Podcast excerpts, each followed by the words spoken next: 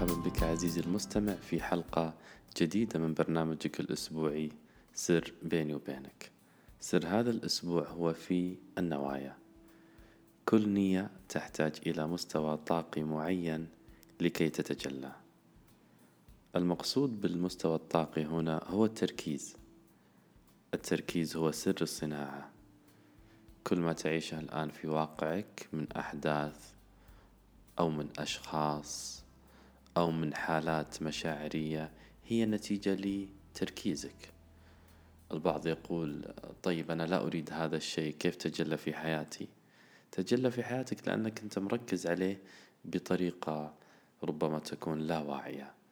فمثلا لو كنت أنت مثلا تكره هذا الشيء أو تحبه ترغب فيه أو تبتعد عنه تتجاهله آه، تقاومه أو عندك رغبة رغبة قوية فيه كل هذه العوامل تشترك تحت مظلة واحد واحدة وهي مظلة التركيز.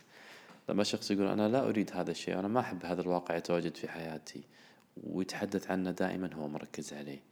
أنا صراحة منزعج من الوزن الزائد في جسمي حاب أعمل دايت أنت مركز عليه الآن. الحل هو في الوعي وإيجاد حلول والتركيز على النتيجة النهائية. فالعلاقة هنا طردية بين الطاقة والتركيز. كلما ارتفعت ارتفع مستوى طاقتك كلما زاد تركيزك. مثلا أنت تحتاج إلى طاقة جسدية لكي تقوم بأعمال معينة مثلا ممارسة رياضة أو رفع أثقال.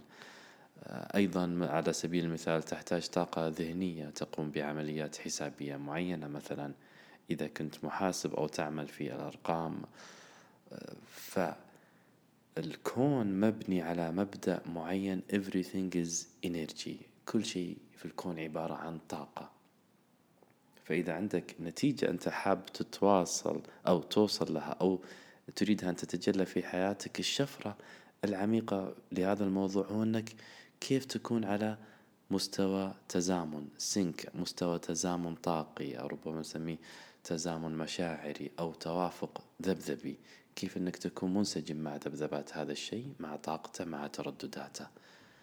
فالأشياء التي تحدث لك خلال يومك خلال أسبوعك خلال شهرك أو خلال هذه اللحظة وأنت تستمع إلى هذه الحلقة هي متناسبة مع تردداتك ومتناسبة مع ذبذباتك.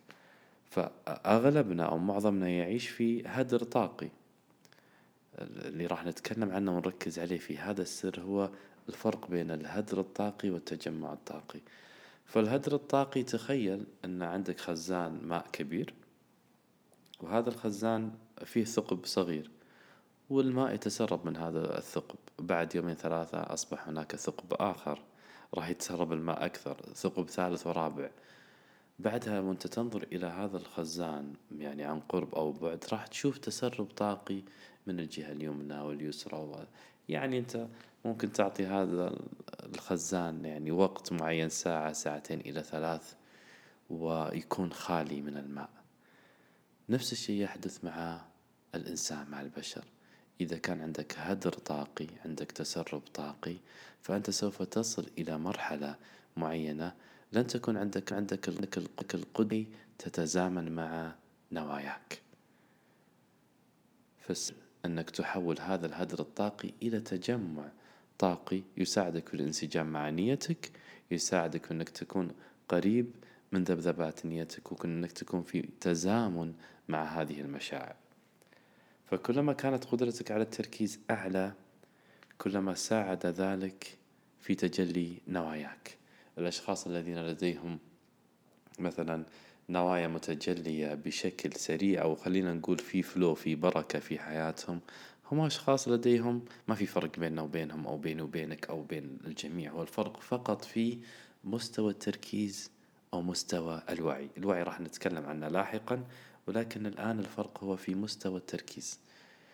لما سألوا لاعب برشلونة ميسي كيف يعني كانت عندك القدرة أنك تكون هداف العالم إلى ما أعرف كم موسم متتالي فجاوب بس إجابة واحدة بكلمة واحدة. قال يعني the secret is focus. السر هو في التركيز فقط. فخليني أعطيك أمثلة مثلا على التجمع الطاقي. كيف يكون عندك تجمع طاقي ويكون عندك طاقة كافية والفرق بين الشخص اللي يكون عنده هدر طاقي. فالشخص مثلا اللي عنده تجمع طاقي عنده to do list عنده قائمة مهام يومية يعملها. سوف أعمل كذا أركز على نوايا أقرأ هذا الكتاب أذهب للنادي عندي العمل عندي العائلة عنده to-do list يعني عنده قائمة مهام مرتب يومه عنده أيضا vision board عنده عنده لوحة موجودة أو سبورة مكتوبة عليها مثلا أهدافه أو نواياه يشوفها كل يوم قبل النوم أو يقرأها قبل ما يخرج للدوام أو قبل يعني لديه صورة ورؤية واضحة إلى أين سوف يصل. عنده لديه صور مثلا للبيت الذي يريد أن يسكن فيه للصحة لنوع العلاقة. أيضا عنده time management عنده إدارة وقت. لما تتصل عليه الساعة تسعة في الليل وتعزمه على العشاء وهو عنده مثلا آه، دورة أو قراءة كتاب معين أو كذا ممكن يعتذر. ممكن يقول لك لا اسمح لي والله أنا عندي موعد الآن. ممكن يعني ألتقي فيك في وقت لاحق. على عكس الشخص اللي لديه هدر طاقي. فالشخص اللي لديه هدر طاقي مواعيد عشوائية. يعني ممكن تتصل عليه في أي وقت يعني ويخرج معك في أي وقت وينعزم في أي وقت ويرجع البيت في أي وقت ويخرج في أي وقت. ما في ترتيب هدر طاقي بعدها يسأل يقول ليه ما تجلت نوايا؟ هو ما تجلت ما في ما في مانجمنت للطاقة ما في إدارة للطاقة. الشخص أيضا اللي عنده هدر طاقي لديه استجابة للجموع. يعني هو ما يطلبه المشاهدون. يعني عنده مهمة آه، راح ينجزها مثلا. يتوقف عادي في نص المهمة ويجيه اتصال ممكن نطلع نشرب كافي يخلي المهمة مثلا ما ينجزها. يطلع يشرب كافي يرجع ما يكمل المهمة. الشخص الذي لديه هدر طاقي أيضا يعني مشهود له بعدم الالتزام. لما يبدأ شيء ما يلتزم فيه. لما يبدأ قراءة كتاب ما يكمله لما يبتدي دورة معينة ما يطبق التمارين. لما مثلا يبتدي نظام صحي معين ما يطول فيه. فهذا الفرق بين الشخص اللي عنده تجمع طاقي ممكن نسميه مثلا energy accumulation والشخص اللي عنده يعني هدر طاقي أو نسميه ممكن energy drain أو energy drainage.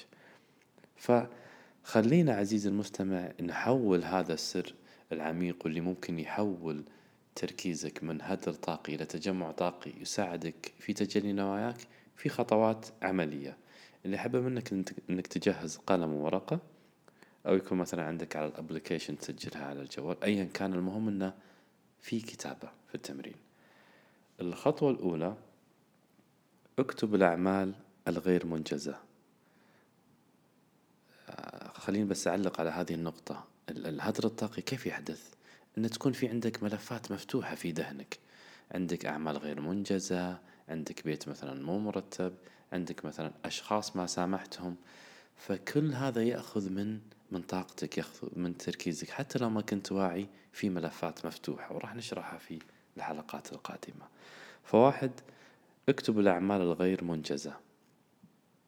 اثنين اكتب الأعمال التي بدأت فيها توقفت عنها مثلا تطبيقات دورة ما كملتها كتاب وقفت في النص إجراءات معاملة حكومية ما كملتها. ثلاثة اكتب أسماء الأشخاص الذين لم تسامحهم.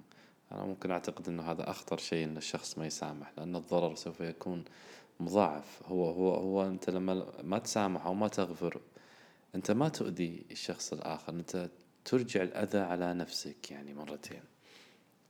أربعة اكتب أسماء أشخاص أنت نقضت العهد معهم كنت في اتفاقية معهم بعدين أخليت ما وفيت بوعدك أو كذا.